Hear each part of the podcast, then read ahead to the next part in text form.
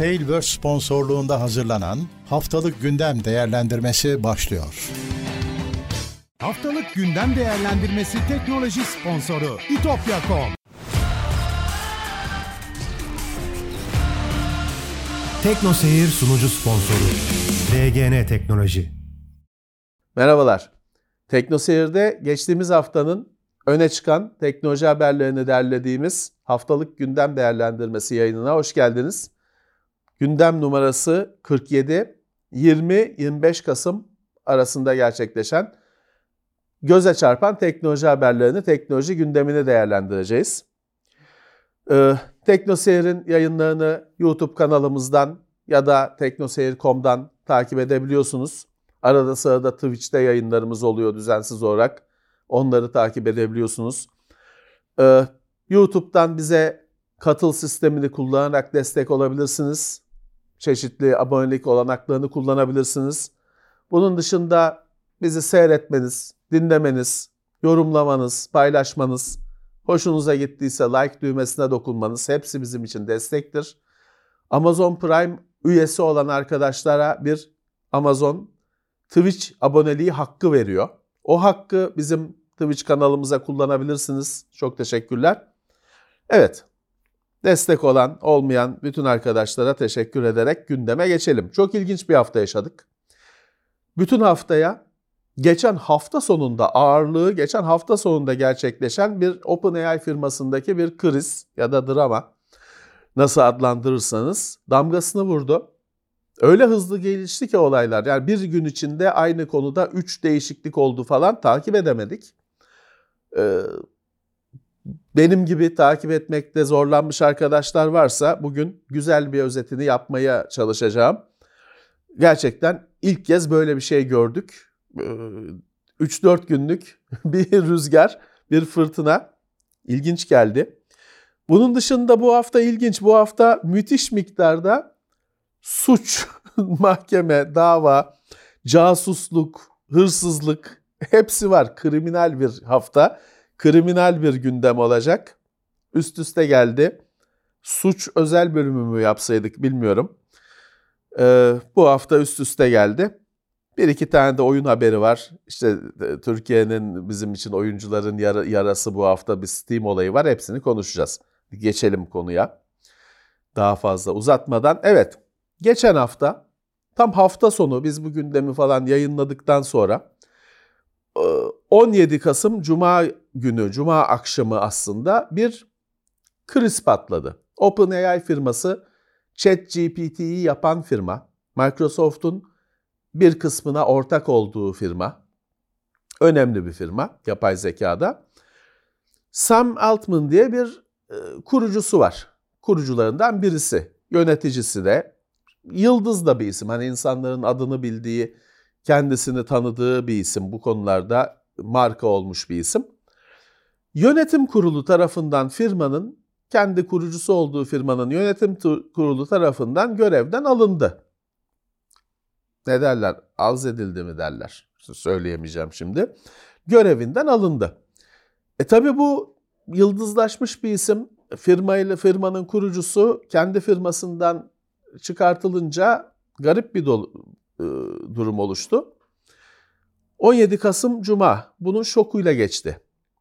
Cumartesi günü 18 Kasım Cumartesi günü e, ilginçtir ki aynı yönetim kurulu hem bu Sam Altman'ı hem de kuruculardan başka birisi olan ve Sam gidince o da istifasını açıklayan Greg Brockman var. İkisini de geri davet etti yönetim kurulu.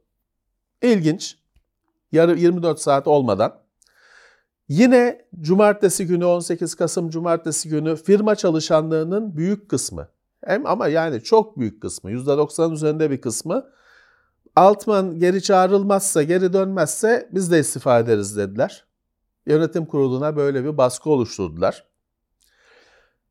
Pazar günü sabah saatlerinde Sam Altman'ın bir tweet attı. Ofise, OpenAI ofisine gittiği görülüyor. Oradan hani ziyaretçi kartı vermişler. Diyor ki bir daha da böyle ziyaretçi kartıyla gelmem buraya gibi bir mesaj atmış.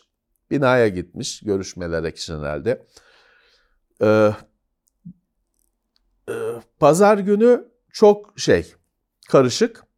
Sabah saatlerinde Sam Altman ofise geri döndü. Hani ziyaretçi olarak. Akşam saatlerinde ilginç bir olay. Es, Twitch'in eski yöneticilerinden Emmett Shear diye bir bey varmış. Onun CEO olarak atandığı duyuruldu. o da nerede şaşırdı herhalde. Pazartesi günü yine drama devam etti. Sabah saatlerinde bu Sam Altman ve Greg Brockman'ın Microsoft'ta işe başlayacakları, anlaştıkları, Microsoft'ta işe başlayacakları şeklinde bir bilgi çıktı, haber çıktı. Şaya duyuldu. Microsoft'un hisseleri patladı. Diğer o biz de ayrılırız diyen bütün çalışanlara Microsoft'un kapılarının açık olduğu haberi yine sızdı. Ortalık karıştı, komplo teorileri ayyuka çıktı. İşte Microsoft planladı zaten. Satya çok akıllı adam. İşte bedavaya kaptı yıldızlarını firmanın. Çalışanları da hani tamamını satın almak istese alamazdı bir sürü tekel davası, mahkeme falan çıkardı ama bu sayede firmaya kondu falan denildi. Tamam. Pazartesi sabahının gündemi buydu, dedikodusu buydu. Ee, öğlen saatlerinde bir de bu bu krizin neden başladığını falan birazdan konuşacağız. Öğlen saatlerinde ama bu krizi başlatan isim olarak gözüken bir oyuncu daha var. İlya Sutskever diye bir şahıs var ortalıkta. Bu yine yöneticiler, kurucular arasında. Bu krizde ona ona onun başlattığı dedikodusu var. O bir ya çok üzgünüm işte böyle olmasaydı pişmanım, üzgünüm gibi bir mesaj yayınladı. Ama daha ilginci akşam pazartesi akşam saatlerinde. Çünkü Microsoft'un öyle bir bu şahısların Microsoft'ta işe başladığı falan gibi bir durum olmadığı, hani bir hani görüşüyoruz ediyoruz ama öyle bir kesinleşmiş bir şey yok diye Microsoft resmi açıklama yaptı. 21 Kasım Salı, krizin dördüncü günü diyebiliriz. Salı günü Sam Altman'ın yine firmaya yönetici olarak döndüğü açıklandı. Onu işten çıkartan eski yönetim kurulunun dağıtıldığı o kişilere yol verildiği e, duyuruldu. Yani çember tamamlandı, başa dönüldü. Buradan kim zararlı çıktı? İşte o yönetim kurulundakiler görevden alındı. Arada bir garibim şu eski Twitch yöneticisi Emmett Shear var. Onu da bir arkadaş Twitter, Twitch, e, şey, Twitter'da yazmış ki ya 23 Nisan çocuğu gibi oturttular, geri aldılar. Evet biraz öyle oldu. Kendini bir iki günlüğüne, bir günlüğüne yönetici buldu. Sonra yine işsiz kaldı. Evet, kimse anlamadı. Dört günde bir fırtına, işe girenler, çıkanlar, o suçlamalar, toplu istifa etmek isteyenler falan filan ne oldu? Şimdi ChatGPT o kadar, bu bir firmada olsa hiç kimse ilgilendirmez de herhangi bir firmada olsa ChatGPT tabii herkesin hayatında. Bu işin üzerindeki her türlü gelecek planları falan onunla yapılıyor. O yüzden böyle gündem oldu. Neden oldu bu? Yaşandı bu fırtına, bu drama neden yaşandı? Bundan sonrası dedikodu. Resmi bir bilgi yok. Ee, komplo teorileri sayısız. İşte Microsoft'un kışkırttığı konuları iddiası var. Sadece dedikodu. Şöyle bir durum var. En başta neden bu Sam firmadan uzaklaştırıldı? Bir cephe diyor ki Sam yönetim kuruluna doğru bilgi vermiyordu. Bazı olaylar yaşandı güvenlik konusunda. ChatGPT'nin kullanılabilirliği firmalarda konusunda, güvenliği konusunda olaylar yaşandı. Yönetim kurulu da hani bu adama artık bu adam güven vermiyor diyerek ipleri kesti deniyor. Başka bir cephe var. Başka bir cephe diyor ki OpenAI yap, yapay zeka konusunda çok büyük bir atılım gerçekleştirdi. Bir eşiği aştı ve bu eşik bu eşiğin aşılması işte insanlığı, yapay zekayı insanlık için bir tehlike haline getirecek. E nedir? Onun tahmin edersiniz ki detayı yok. Şey tahminleri var. Yapay zekanın her şeyi yapıyor da işte efendim mesela işte Ankara'dan yola çıkan bir otomobil şu hızla gitmektedir falan biz, ortaokul soruları vardır ya. ya da havuz problemleri onları çözemediğini söylüyorlar. Bu atılımla onu da çözdüğü, çözer hale geldiği iddiası var. Bunlar hep dedikodu. Bu problem havuz problemlerini çözmesi insanlığı nasıl tehlikeye atıyor onu da sormayın bilmiyorum. İşte deniyor ki bu yap OpenAI bir inanılmaz bir aş, eşiği aştı. Bu şey hiç bunun güvenlik konusunu Sam sallamıyor, umursamıyor, önem vermiyor. O yüzden yönetim kurulu onu uzaklaştırmaya karar vermişti. İddiası var. Bunlar spekülasyon. Hiçbirini bilmiyoruz. Hiçbirini bilmiyoruz ama bir e, bütün dünya nefes nefese bir macerayı dört günlük, beş günlük böyle bir macerayı takip etti. İlginç. Bakalım nasıl olacak, ne yansımaları olacak. Özetle böyle. Konuyu takip etmek gerçekten yaşanırken zordu. Çünkü bir gün içinde üç kere falan değişiyor olaylar. Bazı yayınlar ya da bazı işte sosyal ağlarda geç çıkıyor haberler. Dolayısıyla hani Wired gibi çok saygın bir yayının hazırladığı makale bir gün sonra Facebook'a girebiliyor. E arada devamlı değişmiş olaylar. Neyse yaşanıp bittikten sonra salim kafayla değerlendirmesi daha kolay oluyor. Ben özellikle Mashable'ın yanılmıyorsam bir e, timeline hazırlamış. Ondan yararlandım. Sağ olsunlar güzel bir iş çıkartmışlar. Linki de var zaten bizim haber linkinde. Evet bir şeyler yaşandı geçti. Daha sonra bunun yansımalarını herhalde göreceğiz ya da ortaya çıkacak bu. Herhalde filmi falan çekilir bunun o dört günde ne oldu. Bir ilginç yine yapay zeka ile bağlantılı olay. Microsoft'un yapay zekada Yonga işine, Yonga üretimine, tasarım ve üretimine gireceği belli oldu. İki tane Yonga planlıyorlar. Birisi, ismi şimdi Yonga'nın enteresan, Microsoft Azure, Azure Cobalt 100 CPU. Evet, Azure zaten bulutu Microsoft'un biliyorsunuz. İkinci Yonga, Microsoft Azure Maya AI Accelerator, yapay zeka hızlandırıcı. E bunlardan bunlar tabii ki ARM mimarili yongalar. Birisi CPU denen bulutta çalışacak, sanal bilgisayarları çalıştıracak bir bildiğimiz bir CPU. E, sistem ona çip yapısında tahmin ediyorum. Öbürü de yapay zeka işlemlerini sadece hızlandırmaya yönelik belki de daha önemli bir yonga. Bunlar çarşıda falan satılmayacak ya da bizim laptopların, bilgisayarların içinde gelmeyecek. Zaten adı Microsoft Azure diye geçiyor. Bu sadece Microsoft'un kendi bulutu için tasarladığı yongalar. Ama işte enteresan hani Microsoft da kendi yongası ile çalışmaya e, istiyor, adımlar atıyor. İlginç bir şey. Bu işte Microsoft bulut işini büyütüyor demiştik. Bir bağlantılı bir mini haber var. Bu buluttaki sanal bilgisayarlara, Microsoft bulutunda oluşturduğunuz sanal bilgisayarlara falan erişmek için bir uygulama yayınladı Microsoft iOS'ta var. Ee, şu anda Android'de daha yok ama gelecek masa üstünde var. Şimdi ilginç tarafı uygulamanın adı Windows. Windows App. Dolayısıyla ya Windows uygulama oldu falan gibi yorumlandı. Ya da bundan sonra böyle mi olacak diye yorumlandı. Evet iOS'ta var şu anda Android'de yok. Bir yine Microsoft'tan bir haber. Copilot Windows 11'e eklenmişti. Hatırlarsanız işte bu ChatGPT'yi falan kullanan, OpenAI'ın teknolojilerini kullanan yardımcı Windows 10'a da gelecekmiş. Windows 10'un hayat desteği bitmek üzere. Çok az kaldı. Ama yine de işte Copilot gelecekmiş. Son bir güncelleme galiba onu alacak. Evet, Microsoft haberleri biraz üst üste geldi böyle. Google'dan bir haber var. Google'ın da yapay zekası BART. Pek yüz güldüremedi bu zamana kadar.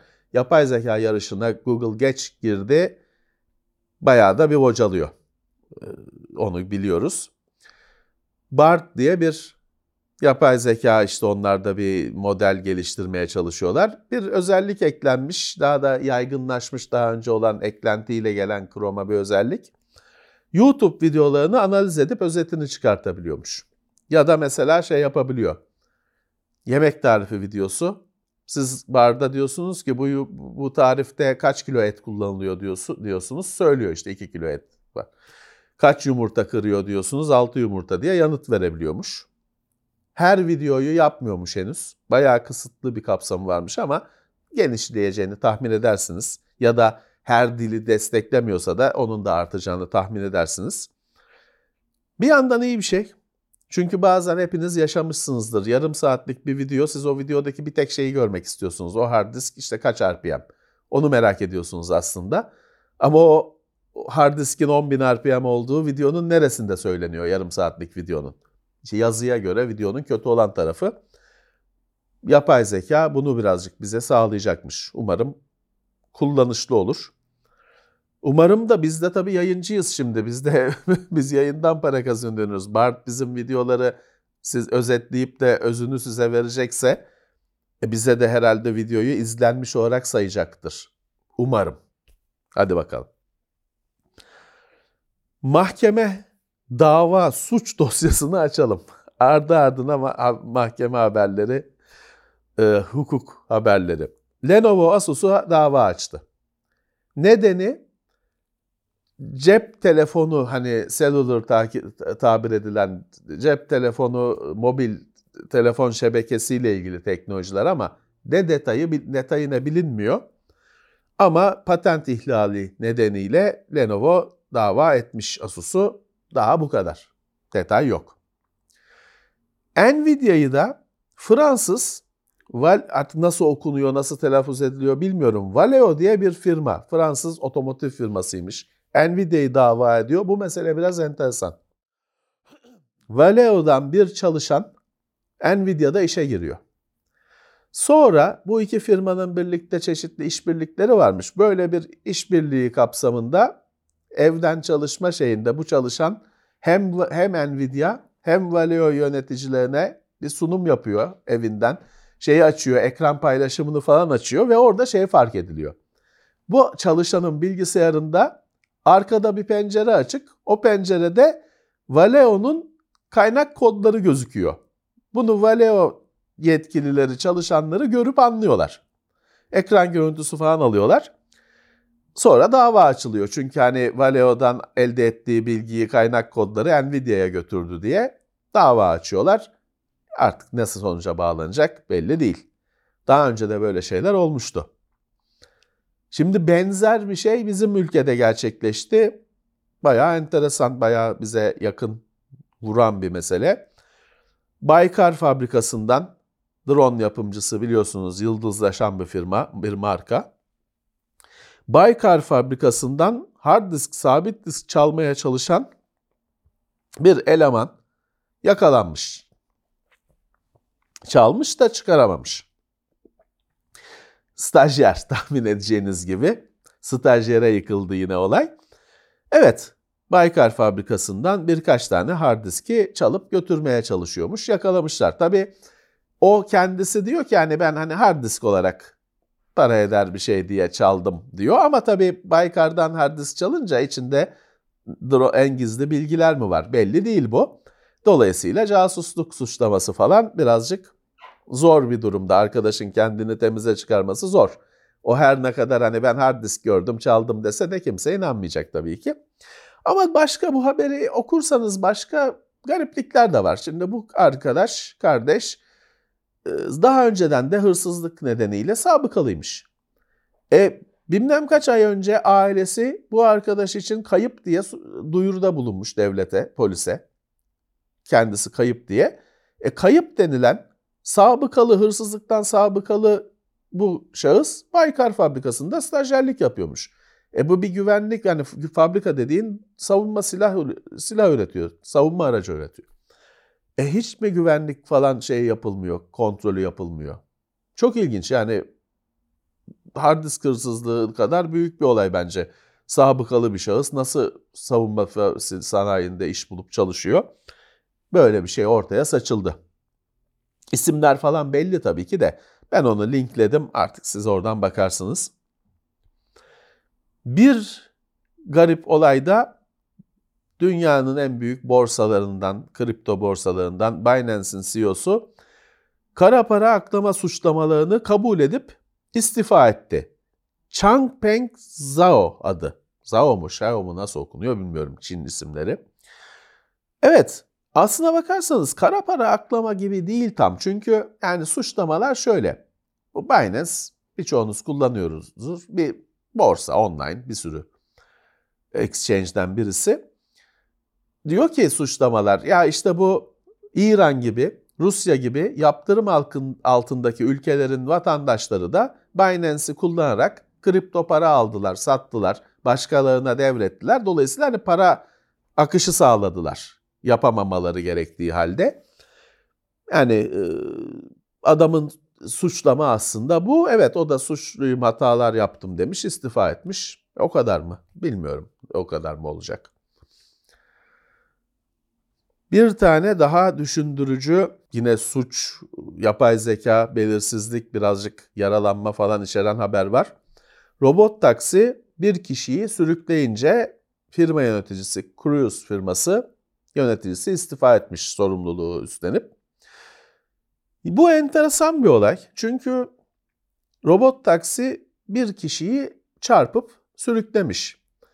Ama olayın büyük devamına bak yani başına sonuna bakarsanız başka bir araba bir şahısa, bir hanıma çarpıyor. Çok da hani sert çarpıyor. O, o şahıs da hani havalanıp artık savrulup bu robot taksinin önüne düşüyor. Robot taksinin fazla bir manevra yapma falan şansı hani yapmadı etmedi demek zor. Çünkü adam önüne düşmüş onun. Başka arabanın çarptığı bir e, kişi. Robot taksi de çarpmış. Tamam çarpmış işte kaçamadı belki bilmiyoruz çarpmış durmuş. Sonra da hani bu standart prosedürüymüş sağa çekmeye çalışmış kendini. Ama sağa çekerken de o çarptığı kişi arabaya takılmış durumda. Dolayısıyla bir 6-7 metre o takılmış durumda olan kişiyi de yaralı kişiyi de sürüklemiş kendisini sağa çekerken. Aslına bakarsanız bu durumdan firma çek çok bu durumdan suçlanmıyor. Hani çarpmış ama hani üzerine düşmüş adam artık onun nasıl müdahale edecekti? Fren yapacaktı. Fakat sorun şu. Bu sürecin hani başka bir araba çarptı, o şahıs taksinin önüne düştü, takıldı falan görüntülerini sağlayamıyor firma. O yüzden de hani bütün suçlar şey suçlamalar e, üzerine kalıyor. Sadece kayıtlardan işte loglardan bu durumun senaryosunu kuruyor firma. Evet yöneticisi istifa etmiş. Birkaç hafta önce hatırlarsanız kendi giden araba kaza yaptığında firması sorumlu tutulacak diye bir karar almıştı İngiltere. Ve bu kararın bütün dünyayı etkileyeceği. Çünkü ilk kez hani bu konuda bir karar verebilen ilk İngiltere oldu. Bunun bütün dünyayı etkileyeceği söylenmişti. İşte demek ki böyle olaylar olabiliyor. Burada firma yöneticisi kendisi istifa etmiş ama hani sadece aynı deminki Binance'in CEO'su gibi istifayla bitiyor mu olay? Onu göreceğiz. Bir güvenlik haberi Rus devleti üretimi yani bu tabii ki e, yer altında üretiliyor ama bunu üreten grubun, hacker grubunun Rus devletinin adamı olduğunu saklamadığı belirtilmiş. Bilindiği bunun belirtilmiş. Dolayısıyla Rus devleti üretimi Litter Drifter diye bir worm bulunmuş. Yani yayılan, cihazdan cihaza yayılan, bilgi çalan bir e, programcık bulunmuş. USB sürücülerden yayılıyor. Yani USB sürücü de var. Bilgisayara taktığınızda bilgisayara kendine bir kopyasını aktarıyor. Sonra siz o bilgisayara başka USB stick taktığınızda bu sefer bilgisayardan USB stick'e kendisini aktarıyor. Böyle USB'den USB'ye dolaşıyor. Bunun aslında hani Rusya'nın Ukrayna'ya saldırmak için yaptığı ama her zaman olduğu gibi bütün dünyaya dağıldığı bulunmuş. Litter Drifter bir DLL dosyaları falan kullanıyor, o otoranı kullanıyor. Evet, otoran durduruldu falan geçtiğimiz yıllarda e, VBS'i kullandığı söyleniyor. VBS hatırlarsanız birkaç hafta önce VBS Windows'ta disable edildi falan da ama işte güncel olmayan makinelerde dolaşıyor, yayılıyor. Litter Drifter. Bu USB işi önemli bir mesele. Çünkü mesela bazı firmalara sızmak için falan da standart kullandıkları en bilinen yöntem adama bir o firmada çalışan birine USB stick yolluyorsun adam bilgisayarına takıyor. Takarsa işte bulaşıyor bir şeyler. Şey yöntemleri falan var. Kimisi şehir efsanesi, kimisi gerçek işte firmanın önünde adam geçerken ofisin önden geçerken USB stick'i atıyor yere. Firmadan çıkan birisi, giren birisi görür de alır bilgisayarına takar diye. Takılmaması gerekiyor. Böyle bir kuşkulu bir USB stick genelde internete bağlı olmayan, network'e bağlı olmayan bilgisayara takılıp bakılıyor. İçinde virüs mü var, worm mu var, tuzak mı var? Şey de var bu arada. Bilgisayarın USB portunu yakan killer USB stickler de var mesela. Hiç her şey sadece bilgi çalma falan değil. Taktığınız cihazın USB portunu yakıyor ya da arkasındaki chipseti yakıyor. Dolayısıyla bulduğunuz USB stick'i takmak doğru bir uygulama değil. Evet, haftanın sürpriz satın alması. Broadcom sonunda VMware satın alma sürecini tamamladı, oldu.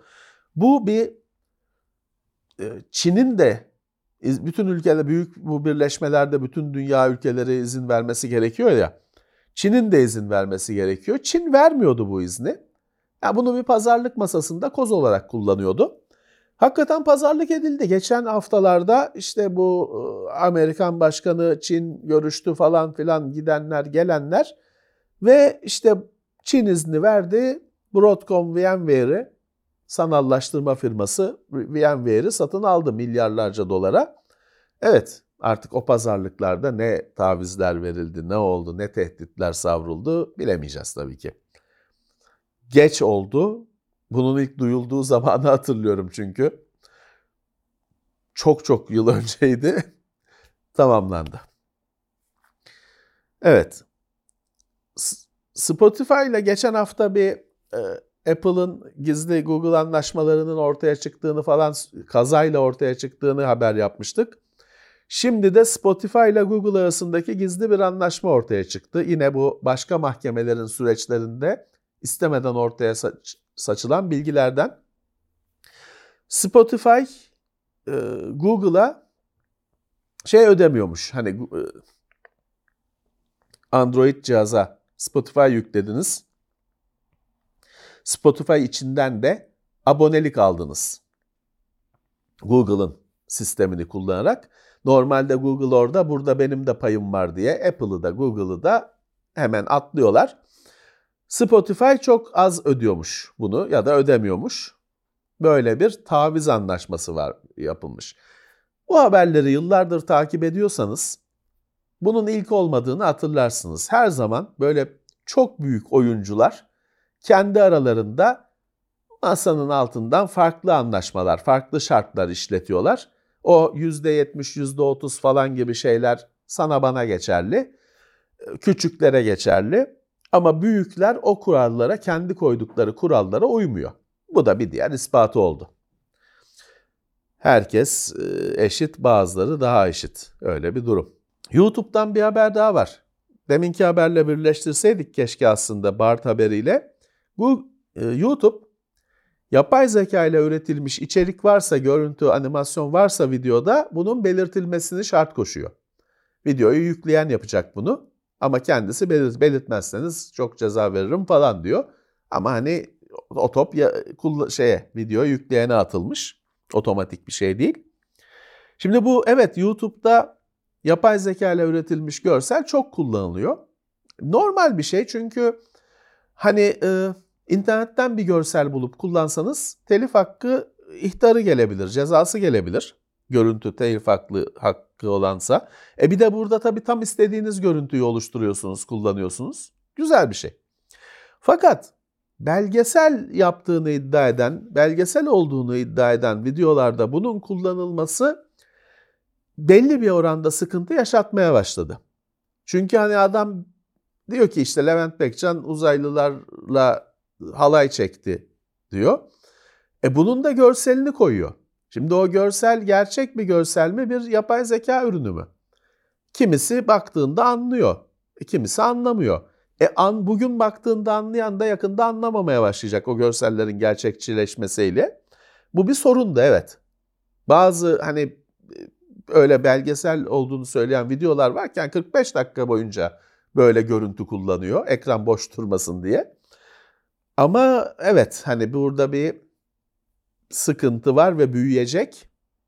YouTube şimdilik topu videoyu üretenlere atmış. Ama adam işaretlemezse ne olacak? O yüzden bu daha ideal çözülmedi. Daha burada büyük olaylar yaşayacağız bu yapay zeka videosu, görüntüsü falan meselesinde. Evet, bu hafta biz bir konuda mutsuz olduk. Bizim izleyici, yıllardır izleyicimiz, takipçimiz, artık arkadaşımız olan teknoloji meraklılığının çoğunun sosyal ağlardan yatan adam mahlasıyla tanıdığı Ali Konuk arkadaşımız vefat etti. Hepimizin arkadaşıydı. Bütün teknoloji yayınlarını takip ediyordu. Herkes onu tanırdı, ederdi. Ali zor bir hayat sürüyordu. Çünkü yatağa mahkumdu ama onun gönlü çok büyüktü. O hani o yatağa mahkum olmasını falan bile bir şaka espri malzemesi olarak kullanıyordu. Gönlü öyle zengin bir arkadaşımızdı. Huzur içinde yatsın. Çok zorluklar çekti. Depremden de etkilenmişti. Huzur içinde yatsın diyelim. Yakınlarına da sevenlerine başsağlığı dileyelim. Böyle. Oyun dünyasından birkaç haberimiz var. Sonra bu haftayı tamamlıyoruz. Evet, Steam beklendiği üzere, tarih verildiği üzere Türk lirası yerine dolar üzerinden iş yapmaya başladı. Oyun fiyatları dolara döndü. Hatta şey de değil hani doları Türk lirasına çevirip de göstermiyor. Direkt Amerikan doları gözüküyor. Siz öderken kredi kartı firmanız o işi hallediyor. E bu oyun fiyatlarında ciddi bir artışa e, neden oldu. Özellikle daha indi düşük şey düşük fiyatla satılan oyunlarda 1 dolarlık oyun 28-30 lira oldu. Üretici oyunun firması isterse Türkiye'ye özel ayrı fiyat, daha düşük fiyat belirleyebiliyor. Bununla uğraşan firma az. Tüketiciler şikayet ediyor, talep getiriyor. Evet kötü oldu. Kötü oldu. Oyun fiyatlarında efektif olarak ciddi bir artış demek bizler için. E, Steam'in büyüklüğü de yani Epic'te olsa bu kadar yıkım olmazdı insanlar için. Ama Steam'in hani uygulamada defakto olarak tekel olduğu ortada. Evet, dolar üzerinden iş yapmaya biz bir biz bir Arjantin. Ha eğer teselli olacaksa Arjantin'de işler daha kötü. Arjantin bir de ithalata %155 vergi koymuş. Bu oyunlar için de geçerli. Onlar da bizim gibi dolara geçtiler. Bir de üzerine %155 vergiyle daha da kötü duruma geldiler. Bu durum hem Türkiye'nin dengesiz ve gittikçe zayıflayan ekonomisiyle bağlı bir şey. Ama bir yandan da şöyle de bir şey var. Özel fiyat uyguladığınızda Amerikalı bile VPN'le bilmem ne gelip sizin düşük fiyatınızdan ürün almak istiyor. E alır tabii adamı suçlayabilir misin? Niye? Hani adam zengin ama e, benim de param değerli kardeşim der. Hani bire alabilecekse niye beşe alsın? Suçlayamazsın. Böyle bir şey yapabiliyorsa yapar adam. Ama yapıyorlar işte. Hani Katmandu'dan Steam bilmem ne oyun alan adam var. Düşük fiyat koyduğun zaman, özel fiyat koyduğun zaman her zaman böyle. Bunun bir yolu var. Türkiye'de satılan oyunu Türkçe yapacaksın. İngilizce seçeneği olmayacak. Amerikalı alamayacak. Öyle bir oyun yok. Dolayısıyla neresinden baksan bir sorun. Neresinden baksan e, bize zarar, biz tüketiciye zarar. Evet ne olacak bilmiyorum. Bunun ileride Steam yine TL'ye geçerse bunu bir olumlu ekonominin güçlenmesi yönünde bir işaret olarak mı algılayacağız? Belki öyle olacak bilmiyorum. Ama şu anda oyuncular mutsuz. Ha, hepimizin kütüphanesinde zamanında alınmış yüzlerce oyun var oynamadığımız. Onlarla idare edeceğiz galiba. Şey artacak, indirimlerin önemi artacak. İkinci el tabi eskiden oyunda bir ikinci el kavramı vardı. Oyunlar fiziksel olarak CD'de, DVD'de, Blu-ray'de satılırken ilk ikinci el kavramı vardı. Günümüzde dijital ortamda alınıyor. Pek bir ikinci eli kalmıyor. Ama işte indirimlerin, Game Pass'ın, e, benzer servislerin bizim için önemi artacak. O ortada. Herkese geçmiş olsun ne diyelim. Bir ha yine mesela bizim ülke için gittikçe maalesef önem önem kazanacak haberlerden birisi Diablo 4. Steam üzerinden 28 Kasım'a kadar ücretsiz. Belki siz bunu dinlediğinizde 28 Kasım geçmiş olacak ama geçmediyse 28 Kasım'a kadar ücretsiz deneyebileceksiniz, oynayabileceksiniz Diablo 4'ü. Bitirebilenler o zamana kadar bitirir. Evet, bunları ta- takip edeceğiz. Bu indirimleri, bedavaları. Space Marine 2 benim beklediğim tek oyun. İki bu sene çıkacaktı. Artık ama bir ay kaldı. Ne zaman çıkacak diyorduk. 2024'ün ikinci yarısına yani bir sene ertelendi oyun.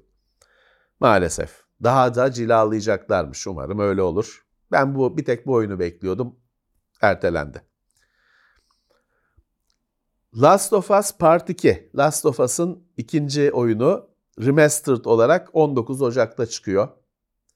PlayStation 5'e. PC'ye de kesin çıkacak da ilk başta hani bir bahsi yok. Geçen hafta Half-Life'ın ilk çıkan Half-Life'ın bedava verildiğini haber vermiştik bir süre için. 25. yılı şerefine. Geniş bir güncelleme yayınlandı. Oyunu beraber bu yeni bedava vermekle birlikte çok gelişmiş bir güncelleme ile günümüze getirdiler. Birçok yani böyle arayüzde falan artık Half-Life 25 yıllık bir oyun. 25 yıl öncesinin 4'e 3 ekranlarına göre, düşük çözünürlüklerine göre yapılmış öğeleri geniş ekrana falan güncellemişler. Çok rahat günümüzde oynanır hale gelmiş Half-Life. Ama şey enteresan, içinde bir minik bir bug var Half-Life'ın. Çok espri konusu olmuş. Bir, bir animasyonda, bir script'te işte bir yaratığın kolu var. O bir bilim adamını kapıp götürüyor ama o arada yıl, yıllar önce belki 20, oyun 25 yıllıksa belki 20 sene önce orada bir senkronizasyon sorunu oldu. Bilim adamını tam tutmuyor. Ayrı ayrı gidiyorlar. Kopukluk olmuştu. 20 senedir neredeyse düzeltilmemişti. Bu 25. yıl dev güncellemesinde de düzeltilmediği ortaya çıktı. E birazcık millet hani söylenmeye başladı. Onu bir iki gün sonra bir üstüne bir mini güncelleme daha yapıp düzelttiler. O bir şaka haline gelmiş bir şey 20 yılda falan halledildi. Her hafta konu olan bir mesele var. Star Wars KOTOR diye bir Knights of the Old Republic. Ona KOTOR deniyor. Bu efsane bir oyun. Çok önemli bir oyun. Bunun bir remake'i çıkacağı konusu çıkacak, çıkmayacak bilmem ne. En son bazı sektörden analistler elde ettikleri bilgileri paylaşmışlar. Böyle bir şey yok. Hani hiçbir firma çalışmıyor. Böyle bir şey çıkmayacak denmiş. Ha tabii şimdi bunun bu haber olunca birileri çalışmaya başlar ayrı mesele. Ama şu an için böyle bir şey yok, bunu geliştiren falan yok denmiş. Keşke yapsalar bu kadar konuşuluyor, ediliyor. Önemli bir oyun. Yine öne bizler için önem kazanan indirimlerde bu aralar işte Kasım ayı alışveriş ayı falan ya. Elektronik arsa oyunlarında 28 Kasım'a kadar bir indirim kampanyası var. Bazıları hakikaten Battlefield serisinde falan iyi fiyatlar var. Benim yere göğe koyamadığım oyunlardan Titanfall 2 bedava gibi bir şey. Ee, evet. Hani e, böyle e, Battlefront serisinde indirimler var. 10 liraya 20 liraya oyunlar var ve oynanacak oyunlar bunlar. Bir bakın 28 Kasım son günü. İnşallah siz 28 Kasım'dan önce dinliyorsunuzdur beni. Ee, evet bu oyunlar oynanır. Electronic Arts EA App diye bir şey var artık. Eskiden Origin'di ya. Electronic Arts uygulamasından alıyorsunuz, oynuyorsunuz. Steam falan değil bunlar. Ama oyun aynı. Oynanır.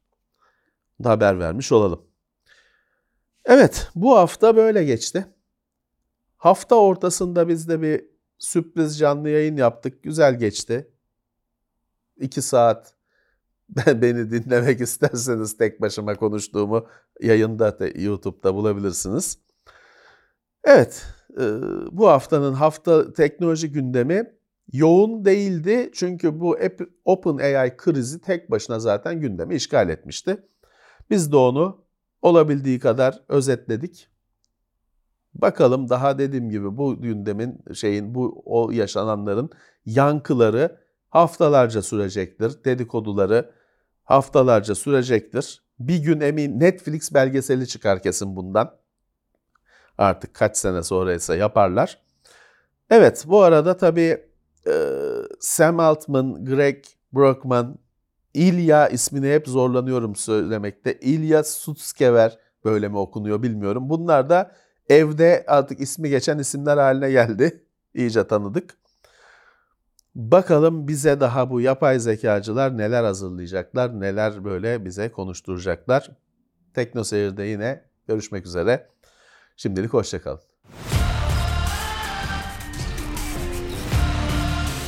Tekno Seyir sunucu sponsoru DGN Teknoloji. Haftalık gündem değerlendirmesi teknoloji sponsoru itopya.com Tailwork sponsorluğunda hazırlanan haftalık gündem değerlendirmesini dinlediniz.